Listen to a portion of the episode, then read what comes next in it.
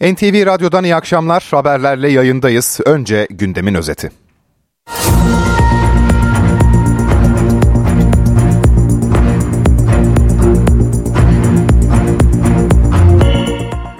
Kaçırılan okul servisi soruşturması bambaşka bir boyut kazandı. Zanlının İstanbul'dan Ankara'ya gittiği, Beştepe'de korumalar tarafından yakalandığı ortaya çıktı. Soruşturmada son durumla başlayacağız. SSK ve Bağkur emeklilerinin zam oranı artar mı? Tartışma memur emeklilerinin alacağı zam oranıyla başladı. Hükümet konuyu gündemine aldı. Nasıl bir formül üzerinde çalışılıyor anlatacağız. AK Parti İstanbul adayını pazar günü açıklayacak. CHP'nin adayı Ekrem İmamoğlu ise seçim kampanyasını bugün resmen başlattı. AK Parti ve CHP'nin seçmene mesajlarını paylaşacağız. Gazze Savaşı, Lübnan'daki kritik suikast, İran'daki kanlı saldırı, F-16 satışı ve İsveç'in NATO üyeliği. Başkent tüm bu önemli başlıkları içeren önemli bir konuğu bekliyor. Amerikan Dışişleri Bakanı Antony Blinken birkaç saat içinde Ankara'da olacak. Konuk bakanın temaslarını anlatacağız. 3 saat boyunca sporun ve kültür sanatın gündemini de aktaracağız tabii. Ben Ege Berkiraz, NTV Radyo'da akşam haberleri başlıyor.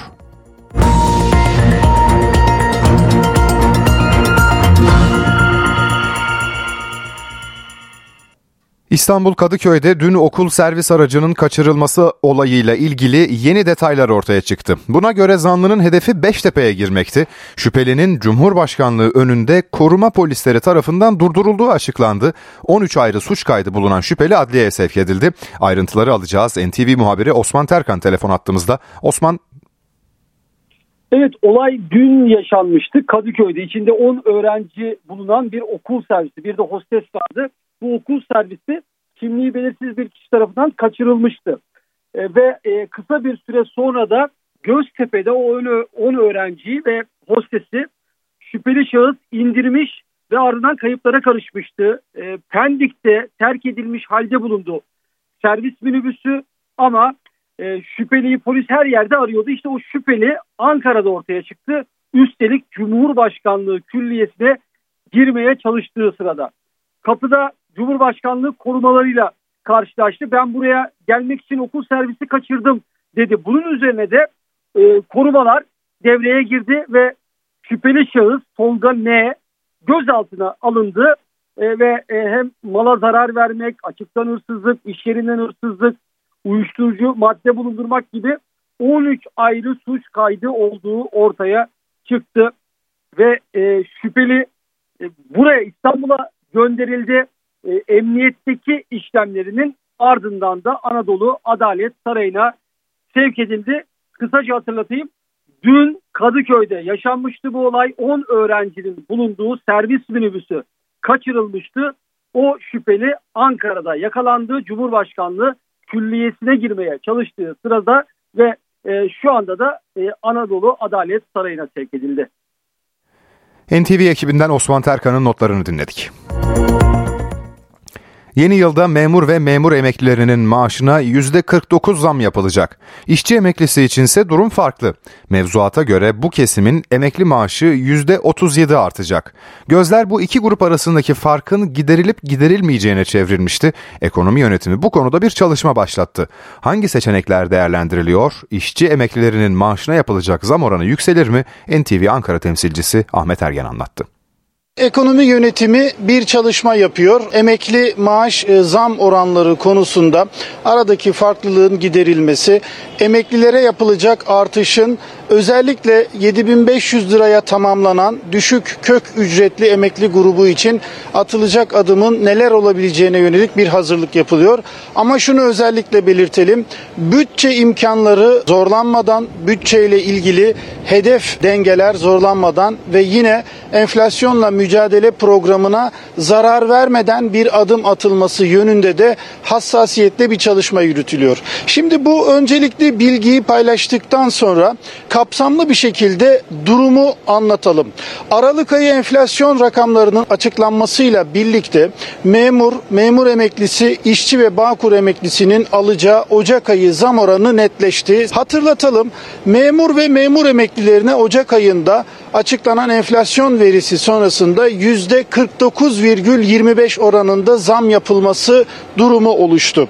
İşçi ve Bağkur emeklilerinin zam oranı ise %37,57. Yine geçtiğimiz ay sonuna doğru belirlenen asgari ücretteki artış oranı da %49'un biraz üstündeydi. Şimdi bu zam oranlarının belli olmasının ardından e, emekli grupları arasındaki zam farkı konuşulur hale geldi. Öncelikle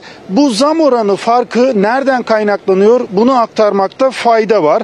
E, bilindiği gibi memur emeklileri memurlar gibi toplu sözleşme çerçevesinde belirlenen bir e, zam politikasına tabi. Bu kapsamda bu yılın Ocak ayında toplu sözleşmeyle belirlenen memur emeklisi zammı %15. Ancak geçtiğimiz yılın Temmuz-Aralık döneminde oluşan enflasyon farkının da bu %15'e eklenmesiyle birlikte memur emeklilerinin zam oranı %49,25'e ulaştı. İşçi ve Bağkur emeklileri ise yürürlükteki yasalar gereği her yıl Ocak ve Temmuz ayında geriye dönük 6 aylık tüketici fiyat endeksi artışı kadar maaş zammı alıyor. Bu kapsamda bakıldığında o oran Temmuz-Aralık 2023 döneminde %37,57 olarak netleşti ve işçi ve Bağkur emeklisinin zam oranı da e, bu e, noktada kaldı. Arada memur emeklileri ile işçi ve Bağkur emeklileri arasında 11,7 puanlık bir zam farkı oluştu. Şimdi emekliler arasındaki bu zam farkı geçmiş yıllarda da gündeme geliyordu. Ancak aradaki fark 1-2 puanda kaldığı için bu çok tartışılan bir nokta haline gelmemişti bugüne kadar. E, bugün oluşan şu anda oluşan bu 11,7 puanlık e, fark nedeniyle işçi ve Bağkur emeklilerinde bir beklenti oluştu. Meslek örgütleri itibariyle de yapılan açıklamalar çerçevesinde bu dile getirildi. Şimdi başlarken ifade ettiğimiz noktaya dönelim. Bizim edindiğimiz bilgilere göre ekonomi yönetimi bu konuda bir çalışma yürütüyor. Konu ekonomiyle ilgili kurullarda değerlendirildi. Daha sonra Çalışma ve Sosyal Güvenlik Bakanlığı bir çalışma başlattı, bir hazırlık başlattı. Nasıl bir düzenleme yapılabileceğine yönelik olarak ve alternatifli planlar hazırlandı. Bu çalışma Hazine ve Maliye Bakanlığı'na sunulacak ve nihai olarak da Cumhurbaşkanı Recep Tayyip Erdoğan'a aktarılacak. Cumhurbaşkanı Recep Tayyip Erdoğan'ın değerlendirmesi sonrasında bir düzenleme yapılıp yapılmayacağına karar verilecek. Ama yine bizim edindiğimiz bilgilere göre bir düzenleme yapılması ihtimali oldukça yüksek kuvvetli bir ihtimal bir yeni düzenlemenin yapılacağı yönünde. Ancak bu düzenleme yapılırken yine özellikle belirtelim bütçe dengeleri dikkate alınacak. Bütçeye zarar vermeyecek dokunuşlarla bu düzenlemenin yapılacağını ifade edelim. İkinci bir hassasiyet noktası enflasyonla mücadele programı yapılacak yeni düzenlemeyle farklılaşacak zam oranlarının enflasyon hedeflerine zarar vermemesi için de e, önemli bir dikkatli çalışma yürütüldüğünü ifade edelim. NTV Ankara temsilcisi Ahmet Ergen aktardı. Cumhurbaşkanı Recep Tayyip Erdoğan İstanbul'da çalışma hayatı konulu bir toplantıya katıldı. Gündeminde son dönemde düzenlenen terör operasyonları vardı. Türkiye düşmanlarına ve aparatlarına karşı çok ağır darbe indiriliyor dedi. Milli İstihbarat Teşkilatımız yurt içinde ve sınırlarımız ötesinde Türkiye düşmanlarına ve aparatlarına karşı çok ağır darbeler indiriyor. Silahlı kuvvetlerimiz ve emniyet birimlerimiz şer güçlerin maşalığını yapan terör örgütlerine adeta nefes aldırmıyor. Eski Türkiye'ye alışık olanların bundan rahatsızlık duyması gayet tabidir. Artık kullanım ömrü bitmiş. Eski tartışmaları yeniden piyasaya sürme girişimleri asla masum değildir. Vatandaşlarımızı köken, inanç, hayat tarzı, kıyafet üzerinden ayrıştırmak isteyenlerin amacı en büyük gücümüz olan milli birlik ve beraberliğimizi dinamitlemektir. İç kalemizi çökertme teşebbüslerine kesinlikle izin vermeyeceğiz. Cumhurbaşkanı Erdoğan yerel seçimlerle ilgili de mesaj verdi. İstanbul'la ilgili mottosunu açıkladı. Hatırlayın çöp, çukur, çamur. İstanbul buydu. Ama bunlardan İstanbul'umuzu kurtararak burada yaptığımız yine uluslararası bir toplantıda o zaman dediler ki dünyada İstanbul temiz şehir noktasında bir veya iki numaradır. Bunlar durup dururken olmadı. Ne yazık ki şu anda tabii İstanbul artık o günlerine herhalde yeniden dönmek istiyor. Onun için artık bizim mottomuz yeniden İstanbul. Buna mecburuz. Yeniden İstanbul'u inşa ve ihya etmeye mecburuz. Onun için tabii çok çalışacağız. AK Parti seçim çalışmalarında pazar gününe kilitlendi. İstanbul dahil 11 büyükşehir ve 16 il adayının açıklanması bekleniyor. CHP ise İstanbul için bugün resmen start verdi. Ekrem İmamoğlu tam yol ileri sloganıyla seçim kampanyasını başlattı. Törene CHP lideri Özgür Özel de katıldı. Sıvadı kolları İstanbul bir daha 31 Mart'ta yapılacak yerel seçimler için geri sayım başladı. Cumhuriyet Halk Partisi'nin İstanbul'daki toplantısında Ekrem İmamoğlu'nun Büyükşehir Belediye Başkan adaylığı resmileştirildi. Genel Başkan Özgür Özel konuşmasında İmamoğlu'nun 5 yıllık başkanlık dönemini övdü. İstanbul'a yapılan hizmet bir önceki döneme göre dolar bazında yarı fiyatına yapılan hizmet olarak tam iki katına çıkmış. Eskiden olup da şimdi olmayan nedir diye bakarsanız örneğin pandemide hepimiz canımızla uğraşırken hepimiz anamızın babamızın çocuğumuzun durumunu düşünürken birileri İstanbul'u düşündü bizleri düşündü o trafiğin azaldığı bazen durduğu günlerde İstanbul'un altını üstüne getirip bütün altyapıyı yenilediler. İstanbul'a hizmette tam yol ileri sloganıyla törende konuşan Ekrem İmamoğlu, İstanbul'un yükselişi devam edecek dedi ve 31 Mart'ı işaret etti. Biz İstanbul'da geride bıraktığımız 5 yılda işleri rayına oturttuk. İkinci dönemimiz İstanbul'un her alanda yükseleceği, güçleneceği bir dönem olacak. 31 Mart 2024'te oylarınızla büyük bir çoğunlukla bize yeniden ve çok güçlü bir onay vereceksiniz. İmamoğlu konuşmasının bir bölümünde yeniden kollarını kıvırdı. Yüksek Seçim Kurulu tarafından 6 Mayıs 2019'da iptal edilen seçimi hatırlattı. 6 Mayıs'ta çıkarttığımız o ceketi hiç giymedik. Türkiye'de iktidar olana kadar hiç giymeyeceğiz. Bir canlı yayınla devam ediyoruz. Cumhurbaşkanı Recep Tayyip Erdoğan, Atatürk Havalimanı'nda 6992 polisin göreve başlaması nedeniyle düzenlenen törende konuşuyor. Dinliyoruz. Bunun örneklerinden biriydi. Türkiye'nin gördüğü en büyük ihanet çetelerinden biri olan FETÖ'nün 17-25 Aralık'tan 15 Temmuz'a kadar giriştiği darbe girişimleri bunun örneklerinden biriydi. PKK'nın terörü bitirmek için gerçekleştirdiğimiz onca reforma rağmen 6-8 Ekim olaylarıyla başlayan çukur eylemleri bunun örneklerinden biriydi. Geçmişte sağcı solcu, Alevi Sünni, ilerici gerici, Kürt Türk gibi kavramlar üzerinden yürütülen nifak siyaseti bunun örneklerinden biriydi. Şimdi de aynı oyunun bir tarafıyla yabancı düşmanlığı, diğer tarafıyla ülkemizin sembollerine ve milletimizin mukaddes değerlerine yönelik saldırılar üzerinden yeniden sahnelenmeye çalışıldığını görüyoruz.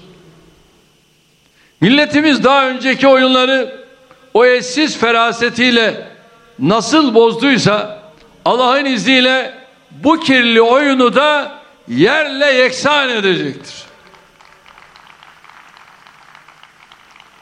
Ülkemizde geri kalmışlığı, altyapı ve hizmet eksikliğini nasıl ortadan kaldırdıysak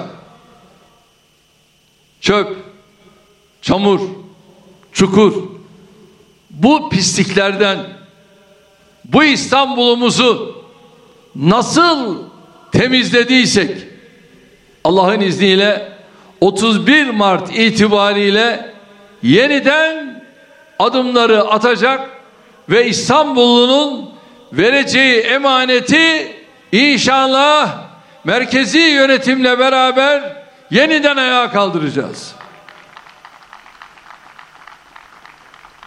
Terörü tehdit olmaktan nasıl çıkardıysak, şehir eşkıyalarının başını nasıl ezdiysek, organize suç örgütlerinin nasıl tepelerine binmişsek, vatan topraklarının güvenliğini nasıl sınırlarımızın ötesinden başlattıysak, küresel ve bölgesel güçlerin önümüze çıkardığı engelleri nasıl aştıysak, önce 2023 hedeflerimizde, şimdi Türkiye 100 yılı vizyonumuzda milletimizin ufkunu nasıl genişletip derinleştirdiysek medeniyetimizin ve tarihimizin mirası değerlerimize savaş açanların heveslerini de Allah'ın izniyle kursaklarında bırakmakta kararlıyız. Bu tezgahı inancımıza ve kültürümüze aykırı olmanın yanında milli çıkarlarımıza da darbe vuracak şekilde yabancı düşmanlığı üzerine bina edenlere aradıkları fırsatı vermeyeceğiz. Güvenliğimizden taviz vermediğimiz gibi değerlerimizin ve çıkarlarımızın yıpratılmasına, örselenmesine, çiğnenmesine de rıza göstermeyeceğiz. Tabii biz bu oyunu bozarken en büyük desteği İstanbul'dan, İstanbul'da da sizlerden bekliyoruz. İstanbul'u güvenli, huzurlu, üretken, cazip bir şehir haline getirmeden Türkiye'nin istikbaliyle ilgili programlarımızı arzu ettiğimiz etkinlikte uygulayamayız. Bizim bu şehre olan aşkımız sadece tarihi zenginliğine, fiziki güzelliklerine, manevi derinliğine olan hayranlığımızdan kaynaklanmıyor. Bizim bu şehri kalbimizde ve başımızın üzerinde taşımamızın asıl sebebi milletimiz ve devletimiz için taşıdığı stratejik önemden dolayıdır. İstanbul'a hizmet etmek için önce bu şehri maddi ve manevi tüm boyutlarıyla anlamak, kavramak, hak etmek gerekiyor. İstanbul'a aşık olmak her yiğidin karı değildir. Kendini bu şehrin hadimi değil, hakimi gibi görenler ne İstanbul'u anlamış ne de hak etmiş olur. Biz İstanbul'a hakim olmadık. İstanbul'a hadim olduk. İşte bugün burada yaptığımız şu mütevazi törenle şehre kazandırdığımız hizmetler bile bizim İstanbul'un hadimi olduğumuzun işaretidir. İnşallah şehrin depreme dayanıksız tüm binalarının yeniden inşa edilmesi başta olmak üzere İstanbul'a hak ettiği hizmetleri vermeyi sürdüreceğiz. İstanbul'daki tüm kentsel dönüşüm hizmetlerimizi inşallah bundan sonra da merkezi yönetim ve İstanbul'daki yerel yönetimle birlikte kararlı bir şekilde devam ettireceğiz. Bu duygularla şehrimize yeni atanan polislerimize görevlerinde başarılar diliyorum. Rabbim yar ve yardımcımız olsun. Tüm şehit polislerimize mekanları cennet olsun duasıyla şuna inanıyorum ki şehadet bize uzak değil, yakındır. Hele hele siz kahramanlarımız için çok yakındır. Onun için bu yolculuğumuzu bu kararlılıkla devam ettireceğiz. Yeni hizmet araçlarımızın onları kullanacak ekiplerimize hayırlı olmasını temenni ediyorum. Aziz şehitlerimizi bir kez daha kemali edeple yad ediyorum. Allah yar ve yardımcınız olsun. Kalın sağlıcakla. Cumhurbaşkanı Recep Tayyip Erdoğan Atatürk Havalimanı'nda yeni polislerin göreve başladığı törende açıklamalarda bulundu. O konuşmayı canlı yayınladık. NTV Radyo'da haber saati içerisindeyiz. Bültenimiz devam ediyor. Yüksek yargıdaki krizle devam ediyoruz bültenimize. Tartışma Yargıtay'ın Anayasa Mahkemesi'nin Can Atalay ile ilgili ikinci kez verdiği hak ihlali kararını tanımayacağını duyurmasıyla yeniden alevlenmişti. Krizin taraflarından Yargıtay'dan bir açıklama geldi. Yargıtay Başkanı Mehmet Akarca Anayasa Mahkemesi ile derin görüş ayrılıkları olduğunu söyledi. Bu çok yani derin ve uzun bir konu. Çok e, böyle ayaküstü hemen değerlendirebileceğimiz bir konu değil. E, Anayasa Mahkemesi ile bu sadece e, son olayla ilgili olarak ortaya çıkmış bir problem değil. Yani aşağı yukarı 5-6 yıldır süre gelen bireysel başvuru yolunun incelenmesindeki yorum farklılığından kaynaklanan e, ve anayasanın yorumundan kaynaklanan e, ciddi anlamda derin görüş aykırılıklarımız olduğu gerçek. Ana muhalefetten de bu konuda açıklama var. Cumhuriyet Halk Partisi'nin de aralarında olduğu 7 parti Türkiye Büyük Millet Meclisi'ni olağanüstü toplantıya çağırdı. CHP lideri Özgür Özel, yaşadığımız anayasa krizine ilişkin meclisi 9 Ocak saat 15'te olağanüstü toplantıya çağırdık dedi.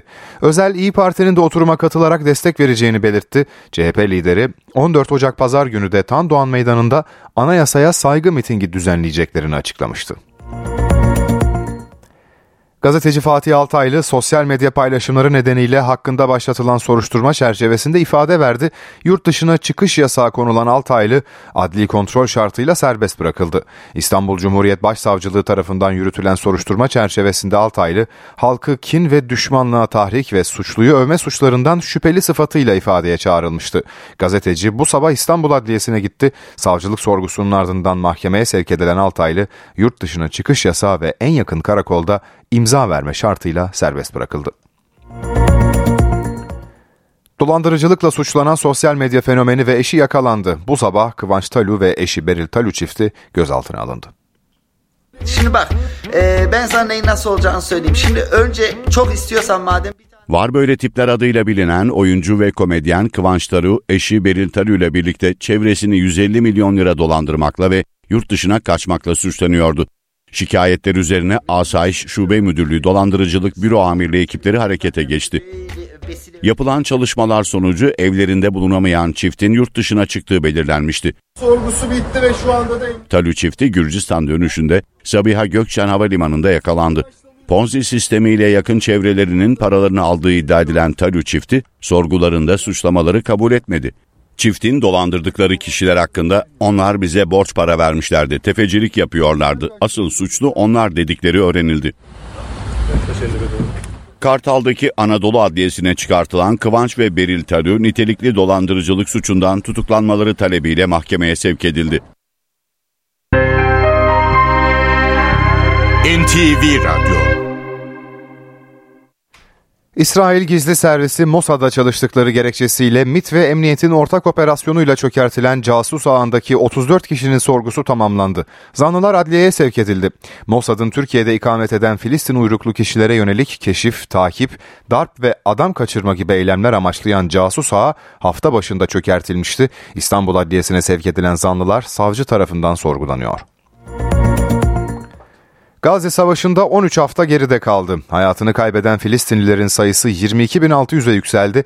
İsrail güçleri işgal altındaki Doğu Kudüs'te 13. haftada da Cuma namazını Mescid-i Aksa'da kılmak isteyen Filistinlilere kısıtlamalar uyguladı. Bu arada İsrail Gazze'de savaş sonrasına ilişkin planını açıkladı. Savunma Bakanı Galant savaşın hedef gözetilerek yürütüleceğini duyurdu. Gazze'de savaşın 3. ayı sona ererken İsrail'den çatışmaların seyrine ilişkin açıklama geldi. Savunma Bakanı Yoav Gallant, İsrail'in savaşın yeni aşamasına ve savaş sonrasına ilişkin planını açıkladı. Plana göre kuzeyde operasyon bundan böyle hedef gözetilerek yürütülecek. İsrail ordusu güneyde ise Hamas'ın lider kadrosunun peşine düşecek. Güneydeki operasyonun bir amacı da kalan 132 İsrail rehinenin kurtarılması olacak. Galant, savaş sona erdiğinde Gazze'nin artık Hamas'ın kontrolünde olmayacağını söyledi. Bölgenin İsrail'e tehdit oluşturmadığı sürece Filistinliler tarafından yönetileceğini belirtti. İsrail'in Gazze'nin geleceğine ilişkin planını açıklaması ABD Dışişleri Bakanı Antony Blinken'ın ziyaretinin hemen öncesinde geldi. Üç ay içinde dördüncü kez Orta Doğu turuna çıkan Blinken, İsrail ve Filistin'i ziyaret edecek. Mısır, Ürdün, Katar, Suudi Arabistan ve Birleşik Arap Emirlikleri'nde de temaslarda bulunacak. Blinken'ın ziyareti savaşın bölgeye yayılma riskinin arttığı bir dönemde gerçekleşecek. Salı günü Beyrut'ta drone saldırısında öldürülen Hamas'ın iki numarası Salih Aruri için cenaze töreni yapıldı. 57 yaşındaki Aruri, Beyrut'un güneyindeki Filistin mülteci kampı Şatilla'ya gömüldü. İsrail Beyrut'taki saldırıyı ne üstlenmiş ne yalanlamıştı. İran'daki saldırıyı ise bir gün sonra terör örgütü DAEŞ üstlendi. DAEŞ 2020'de Amerikan saldırısını öldürülen İranlı komutan Kasım Süleymani'nin ölüm yıl dönümünde çifte intihar saldırısı gerçekleştirdi.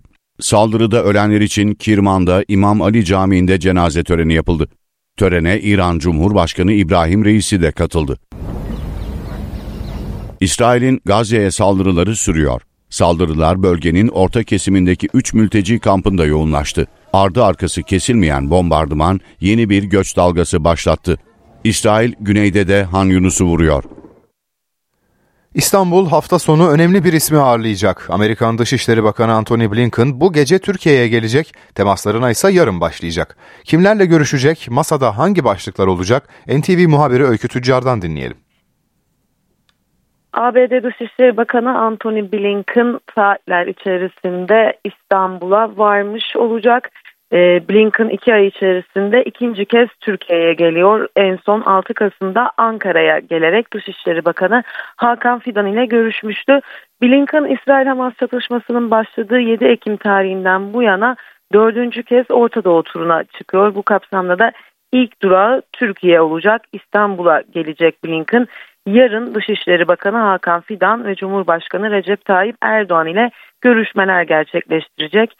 Blinken 6 Kasım'daki ziyaretinde gündem Gazze'ydi. Yine bu ziyarette de ana gündemin Gazze olacağını söyleyebiliriz. Zira ABD Dışişleri e, Sözcüsü yaptığı açıklamada Orta Doğu turunun Lübnan'da Hamas liderlerinden Salih Aruri'nin öldürmesinin ardından bölgede tırmanan gerilimin azaltılması için e, olduğunu belirtmişti. Bu noktada da Blinken bölge ülkelerde temaslarda bulunacak.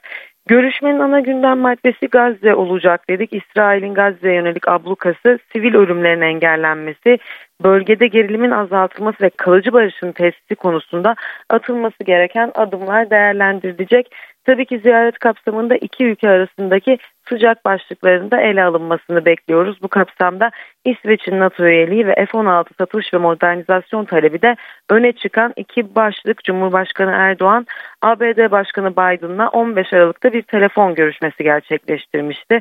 Bu görüşmede Biraz önce bahsettiğim iki başlık birlikte ele alınmıştı.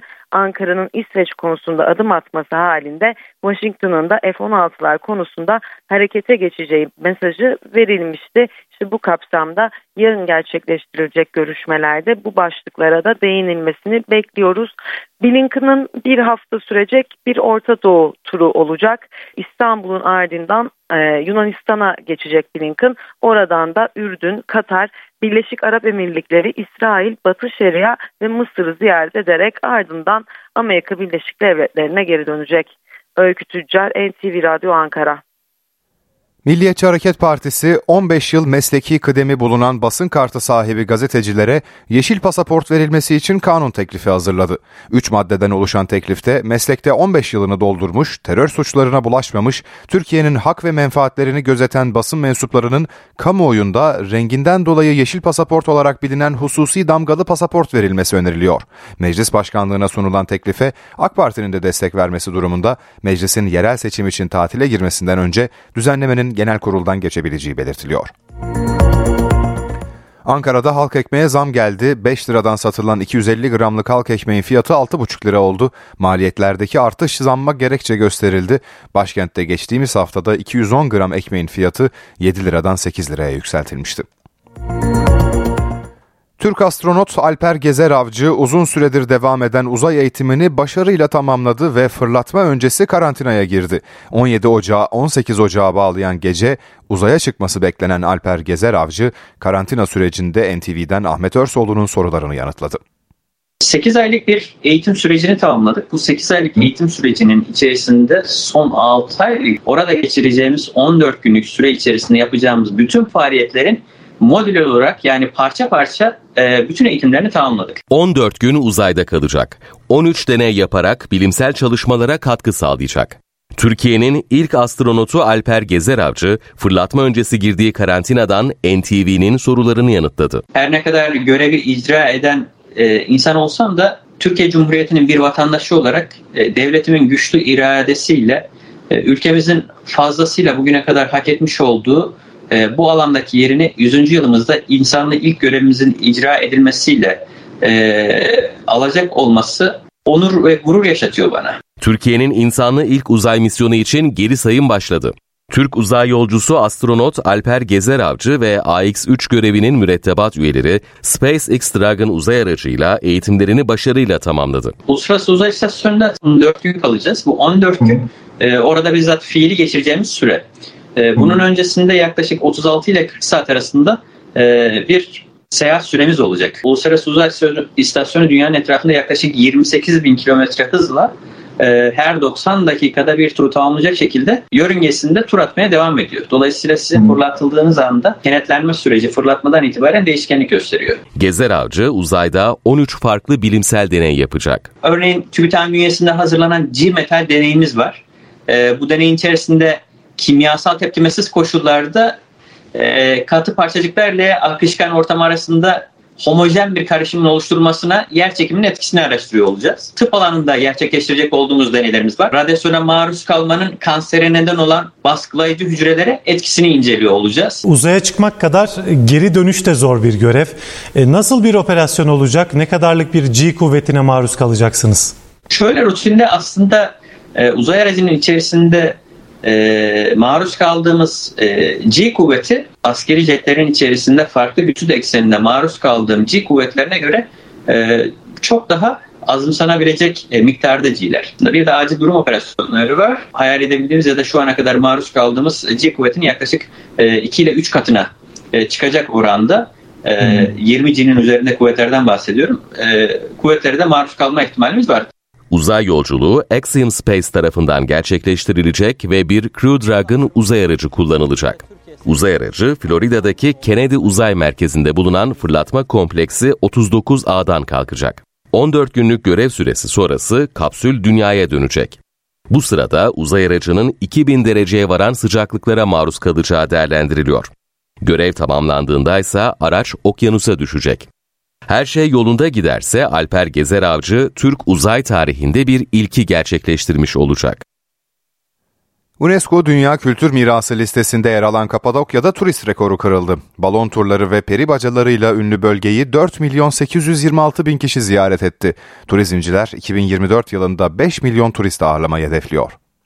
Peri bacalarıyla kaplı vadiler, kayadan oyma tarihi manastırlar, Göreme Açık Hava Müzesi ve yeraltı şehirleri.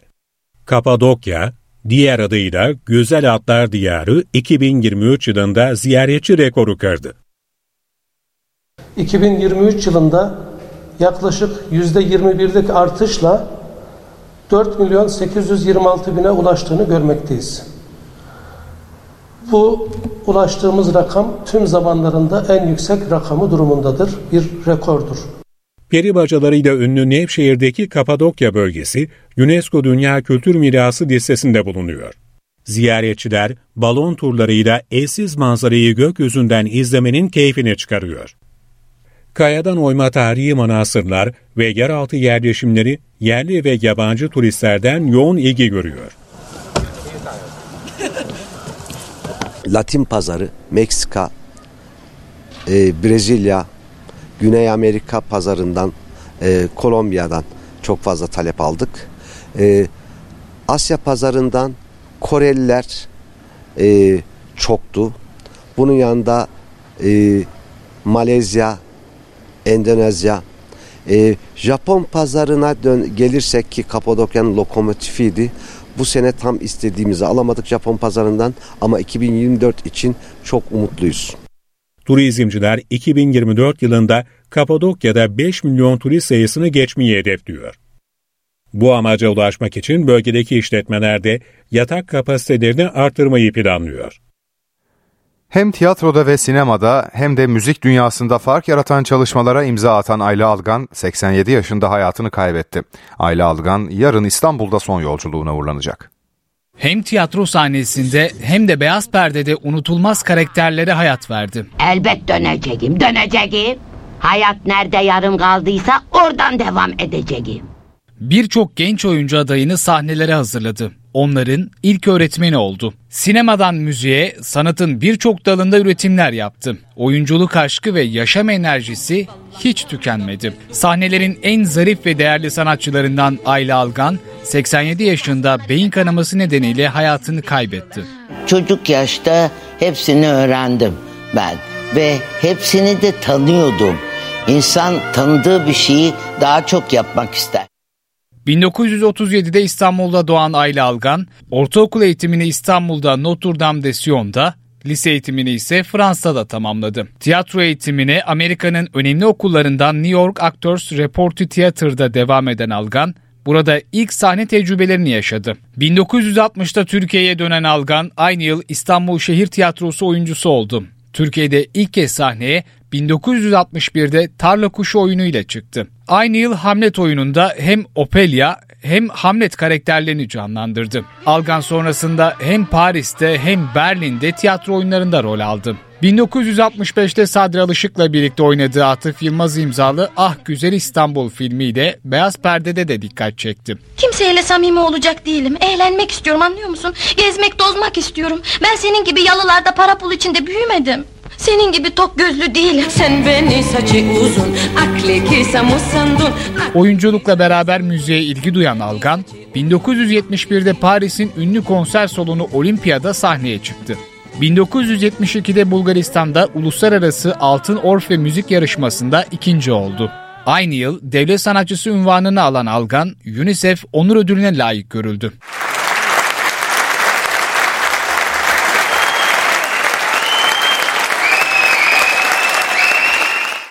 Algan oyunculuğu kadar öğretmenliğiyle de öne çıkan isimlerden oldu. 1964'ten başlayarak uzun yıllar farklı kurumlarda gençlere oyunculuk, diksiyon, çağdaş tiyatro teknikleri, üst düzey yöneticilere iletişim, motivasyon, kalite eğitimleri verdi. Sayısız oyuncu onun elinden yetişti. Bir ağacın üstü Kariyeri boyunca Hamlet, Hamlet'ten Tarla Kuşuydu Juliet'e, Çiloroz'dan Üç Kuruşluk Opera'ya, Keşanlı Ali Destanı'ndan Troyalı kadınlara unutulmaz oyunlarda rol aldı. Algan müzik hayatındaysa dünyaya Yunus Emre'nin felsefesini ve şiirle şarkılarını Fransızca, İngilizce ve Almanca olarak tanımayı kendine misyon edindi. Toutes nos idées. Allons Sanatçı Üzgünüm Leyla'dan Sıdıkaya, Şükran Büfe'den Aliye'ye birçok televizyon dizisinde rol aldı. Sanatçının ölümü sanat dünyasını yasa boğdu. Kısa sürede sosyal medyada Ayla Algan'la ilgili birçok duygusal paylaşım yapıldı.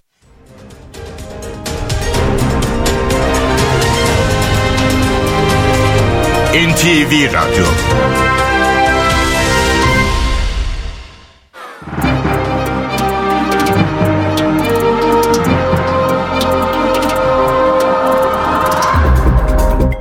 Borsa İstanbul Yüz Endeksi 7589 seviyelerinde. Dolar 29.84, Euro 32.69'dan işlem görüyor. Euro dolar paritesi 1.09. Ons altın 2045 dolarda, gram altın 1961 liradan, çeyrek altın 3325 liradan satılıyor. Brent petrolün varil fiyatı 79 dolar.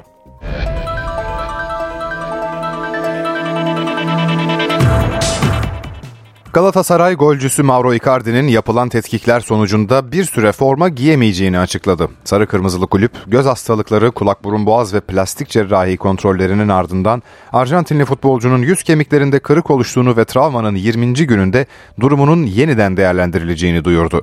Mauro Icardi tekrar kontrollere girecek ardından sağlık ekibinden onay gelmesi halinde maskeyle sahaya çıkabilecek. 30 yaşındaki oyuncunun Süper Lig'deki Konya Spor, Sivas Spor ve Türkiye Kupası'ndaki Ümraniye Spor maçını kaçırması bekleniyor. Fenerbahçe'de uzun süredir takımdan ayrı kalan Rodrigo Becao sahalara dönmeye hazırlanıyor. Sakatlığını atlatan Brezilyalı stoper bireysel koşu çalışmalarına başladı. 29 Ekim'deki Pendik Spor maçında sakatlanan Becao'nun tedavisi tamamlandı. 27 yaşındaki savunmacının Ocak ayının son haftasına kadar kadroya katılması bekleniyor. Fenerbahçe'de Afrika Kupası nedeniyle milli takıma gidecek Ciku ve Osay Samuel de bir süre takımdan ayrı kalacak. Sarı lacivertliler Süper Lig'in 19. haftasında pazar günü İstanbul Spor'a Atatürk Olimpiyat Stadında konuk olacak. Beşiktaş Süper Lig'in 19. haftasında Kasımpaşa'yı konuk edecek. Siyah beyazlılar mücadelede 8 futbolcusundan yararlanamayacak. Beşiktaş Süper Lig'in ikinci yarısını Kasımpaşa maçıyla açacak. Henüz bir teknik direktörle anlaşma sağlayamayan siyah beyazlılar maça Serdar Topraktepe yönetiminde çıkacak. Ligde oynadığı 17 maçta 9 galibiyet, 2 beraberlik ve 6 yenilgi alan Beşiktaş topladığı 29 puanla 5. sırada yer alıyor. Siyah beyazlarda 8 eksik var. Oxlade Chamberlain ve Umut Meraş'ın sakatlıkları sürüyor.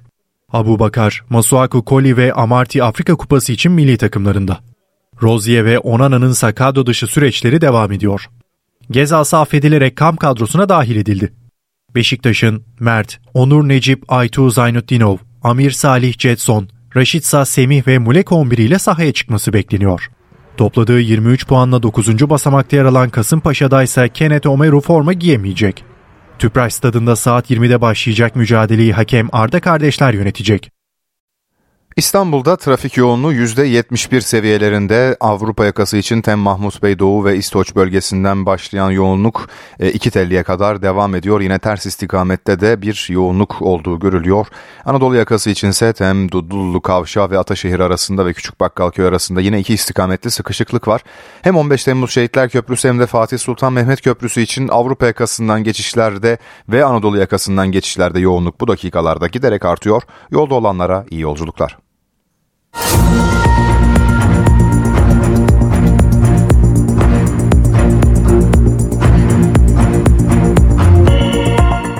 NTV Radyo'da gelişmeleri aktarmayı sürdürüyoruz. Cumhurbaşkanı Recep Tayyip Erdoğan, Atatürk Havalimanı'nda yeni polislerin göreve başlaması nedeniyle düzenlenen törende konuştu. Birilerinin yabancı düşmanlığı yaparak milli çıkarlarımıza darbe vurmalarına izin vermeyeceğiz dedi. Milletimizi çeşitli bahanelerle bölmek, hem birbirine hem devletine karşı kışkırtmak için sayısız denemeye şahit olduk. Geçmişte sağcı solcu, Alevi Sünni, ilerici gerici, Kürt Türk gibi kavramlar üzerinden yürütülen nifak siyaseti bunun örneklerinden biriydi. Şimdi de aynı oyunun bir tarafıyla yabancı düşmanlığı, diğer tarafıyla ülkemizin sembollerine ve milletimizin mukaddes değerlerine yönelik saldırılar üzerinden yeniden sahnelenmeye çalışıldığını görüyoruz. Milletimiz daha önceki oyunları o eşsiz ferasetiyle nasıl bozduysa Allah'ın izniyle bu kirli oyunu da yerle yeksan edecektir. Milli çıkarlarımıza da darbe vuracak şekilde yabancı düşmanlığı üzerine bina edenlere aradıkları fırsatı vermeyeceğiz.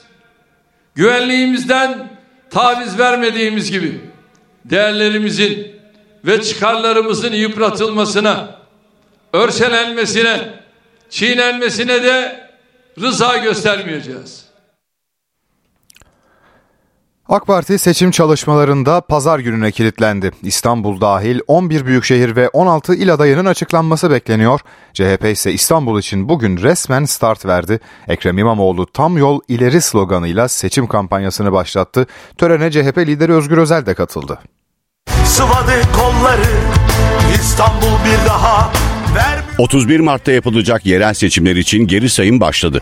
Cumhuriyet Halk Partisi'nin İstanbul'daki toplantısında Ekrem İmamoğlu'nun Büyükşehir Belediye Başkan adaylığı resmileştirildi. Genel Başkan Özgür Özel konuşmasında İmamoğlu'nun 5 yıllık başkanlık dönemini övdü. İstanbul'a yapılan hizmet bir önceki döneme göre dolar bazında yarı fiyatına yapılan hizmet olarak tam iki katına çıkmış.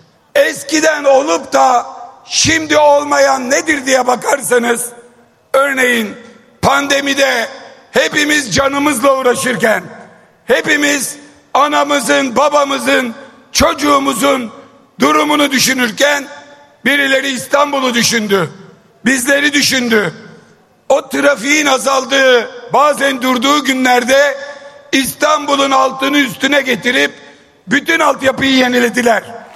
İstanbul'a hizmette tam yol ileri sloganıyla törende konuşan Ekrem İmamoğlu, İstanbul'un yükselişi devam edecek dedi ve 31 Mart'ı işaret etti.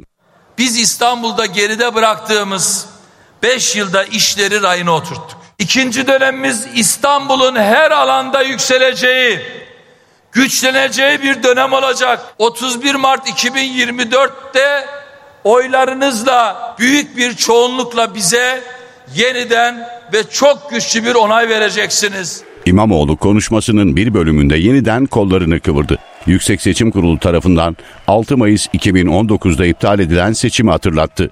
6 Mayıs'ta çıkarttığımız o ceketi hiç giymedik. Türkiye'de iktidar olana kadar hiç giymeyeceğiz. Bursa'da bir eğitim uçağı motor arızası nedeniyle mecburi iniş yaptı. Olay Yenişehir ilçesi Çiçeközü köyü mevkiinde yaşandı. Pilot tarlaya mecburi iniş sırasında hafif yaralandı, hastaneye kaldırıldı. Motor arızasının nedeni ise henüz bilinmiyor. Depremde 72 kişiye mezar olan İSİAS Oteli davasında bugün 3. gün. Otel çalışanları tanık olarak dinleniyor, duruşmaları ölen Kıbrıslı voleybolcuların aileleri de takip ediyor. Acılı aileler enkaz bölgesinde çocuklarını andılar. Depremde yerle bir olan otelin enkazına gittiler. Kaybettikleri çocuklarını gözyaşlarıyla andılar. Adıyaman'da İSİAS Oteli'nin enkazında duygusal anlar yaşandı. Turizm rehberi olacaktı ama güle oynaya girdiği yerden çocuğun cenazesiyle karşılaştık. Hayatımız karardı onların yüzünden. En ağır cezayı almalarını istiyoruz da hala da yalan dolan. 72 kişiye mezar olan Adıyaman'daki İSİAS Oteli'nde çocukları ölen aileler enkazdaki taş yığınlarının arasına çiçek bıraktı. İkinci bir travma gibi, e, aynı travmayı yaşamak gibi. Müebbet istiyoruz hepsine. Yani 72 cana olası kas bile yeterli değil. Biz bu işin takipindeyiz. Ee, hiçbir zaman peşini bırakmayacağız. Sonuna kadar devam edeceğiz. En ağır cezayı almalarını istiyoruz. İSİAS Oteli davasında 5'i tutuklu 11 sanık yargılanıyor. Bilinçli taksirle öldürmekten yargılanan sanıklar hakkında 22 yıl 6'şar aya kadar hapis cezası isteniyor. Davanın 3. duruşmasında bu kez otel çalışanlarının da aralarında olduğu tanıklar dinlendi. Otelde resepsiyon görevlisi olarak çalışan Murat Kuştepe ile muhasebeci Celal Görücü, sorumlu kişinin otel sahibi Ahmet Bozkurt olduğunu söyledi. Otelde 2008 yılından beri teknik personel olarak görev yapan Hasan Gündüzoğlu da ifadesinde otelin 9. katına çelik konstrüksiyon yapıldığını, cam ve alüminyumla giydirme yapıldığını anlattı. Türkiye'de geçen yıl iş kazalarında 1929 işçi hayatını kaybetti. İşçi Sağlığı ve İş Güvenliği Meclisi iş cinayetleri raporunu açıkladı. Rapora göre Aralık ayındaki 154 işçiyle birlikte 2023 yılında toplam 1929 işçi iş kazalarında öldü. Aralık ayında en çok ölüm ezilme ve göçük nedeniyle yaşandı. Ölen her 3 işçiden biri inşaat ve yol sektöründe çalışıyor. İzmir Adliyesi'ne 7 yıl önceki bombalı saldırı görevli trafik polisi Fethi Sekin tarafından önlenmişti. O saldırıda şehit olan Fethi Sekin ve Mübaşir Musa Can ölüm yıl dönümlerinde anıldı.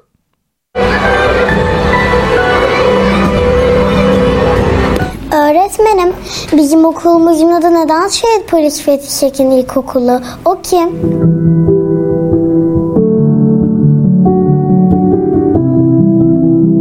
Canını hiçe saydı. Gösterdiği kahramanlıkla büyük bir terör eylemini engelledi.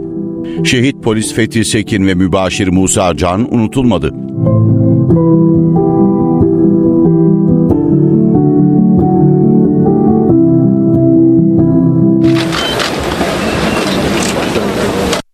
Tarih 5 Ocak 2017 idi. Fethi Sekin içinde teröristlerin olduğu bombalı aracı İzmir Adliyesi önünde fark etti. Aracı durdurmak istedi, teröristler ateş açtı. Fethi Sekin çıkan çatışmada bir teröristi öldürdü, kendi şehit oldu. Saldırıda adliye çalışanı mübaşir Musa Can da olay yerinde hayatını kaybetti. İzmir Adliyesi çalışanları şehit polis Fethi Sekin ve Musa Can'ı unutmadı. Duygusal anların yaşandığı törene Adalet Bakanı Yılmaz Tunç da katıldı. Bu ülkenin huzurunu, kardeşliğini, birlik beraberliğini bozmayı hedef alan, ülkemizi, ülkemizin bölünmesini isteyen hain terör örgütleriyle mücadelemizden, kararlılığımızdan hiçbir zaman taviz vermeyeceğiz. Elazığ'daki şehit Fethi Sekin Külliyesi'nde de anma vardı. Şehidin ablasıyla birlikte çizdiği resimler bu yıl ilk kez sergilendi. Fethi Sekin yapmış olduğu resimler tuval üzerine yapmış olduğu yağlı boya manzara resimler. iki tane ikisi de aynı şekilde. Onları da ilk defa bugün sergilendi. Şehit polis için Elazığ'daki mezarında da anma töreni düzenlendi, karanfiller bırakıldı. Birleşmiş Milletler Küresel Ekonomik Görünme İlişkin raporunu yayımladı. BM'ye göre bu yıl küresel büyüme hızı yavaşlayacak. Raporun Türkiye bölümünde ise enflasyon vurgusu dikkat çekiyor. Birleşmiş Milletler ekonomik büyümede yavaşlama bekliyor. Birleşmiş Milletler Küresel Ekonomik Görünüme ilişkin raporunu yayımladı. Raporda 2023 yılında dünya ekonomisinin yüksek faiz, politik belirsizlikler ve jeopolitik risklere rağmen dirençli kaldığına vurgu yapıldı. Kuruluş 2023'te %2,7 olan küresel büyüme hızının 2024'te 2,4 olarak gerçekleşeceğini öngördü. Büyüme tahmini 2025 için %2,7 olarak açıklanırken büyümenin pandemi öncesi ortalama olan %3'ün altında kalmaya devam edeceğinin altı çizildi. Kuruluş ABD ekonomisinin bu yıl %1,4, 2025'te ise %1,7 büyüyeceğini tahmin ediyor. Bu oran Avrupa Birliği için 2024'te 1,2, 2025'te %1,6. İngiltere için bu yıl %0,4 ve gelecek yıl için %1 olarak büyüme bekleniyor. Kuruluş Türkiye için büyüme tahminini ise 2024'te %2,7, gelecek yıl ise %3,1 olarak tahmin etti. Türkiye değerlendirmesinin de yer aldığı raporda enflasyona dair gevşeme beklentileri kaydedilirken enflasyonun 2025'e kadar çift hanede kalmaya devam edeceği öngörüldü.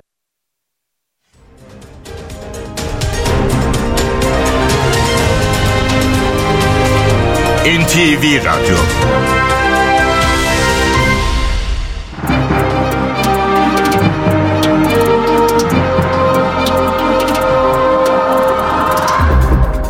Borsa İstanbul Yüz Endeksi 7615 seviyesinde. Dolar 29 lira 84 kuruş, Euro 32 lira 81 kuruştan işlem görüyor. Euro dolar paritesi 1.09. Ons altın 2058 dolarda, gram altın 1978 liradan, çeyrek altın 3355 liradan satılıyor. Brent petrolün varil fiyatı ise 79 dolar.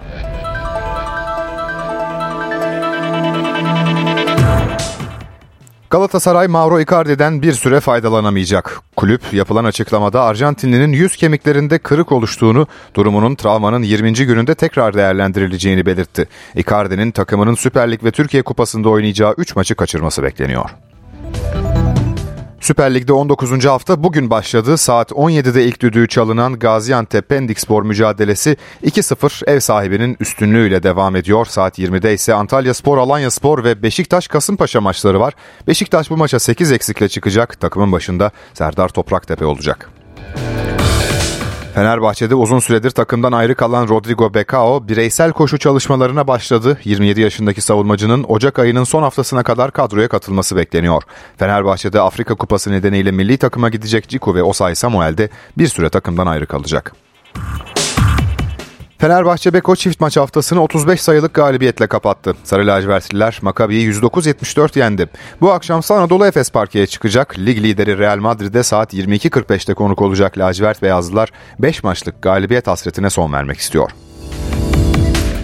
Alperen Şengün NBA'de All-Star olacağı günü bekliyor. Milli basketbolcu taraftar oylamasında 7. sırada yer aldı. NBA All-Star uygulamasında açıklanan ilk sonuçlara göre en çok tercih edilen isimse Milwaukee'nin yıldızı Antetokounmpo oldu. İkinci sırada Lakers'tan LeBron James var. Vodafone Sultanlar Ligi heyecanı devre arasının ardından geri döndü. Dünya Kulüpler Şampiyonu Eczacıbaşı Dynavit Türk Hava Yolları'nı yarın saat 18.30'da ağırlayacak. Lider Fenerbahçe Opet ise pazar günü saat 15'te Aydın Büyükşehir Belediyespor deplasmanına çıkacak.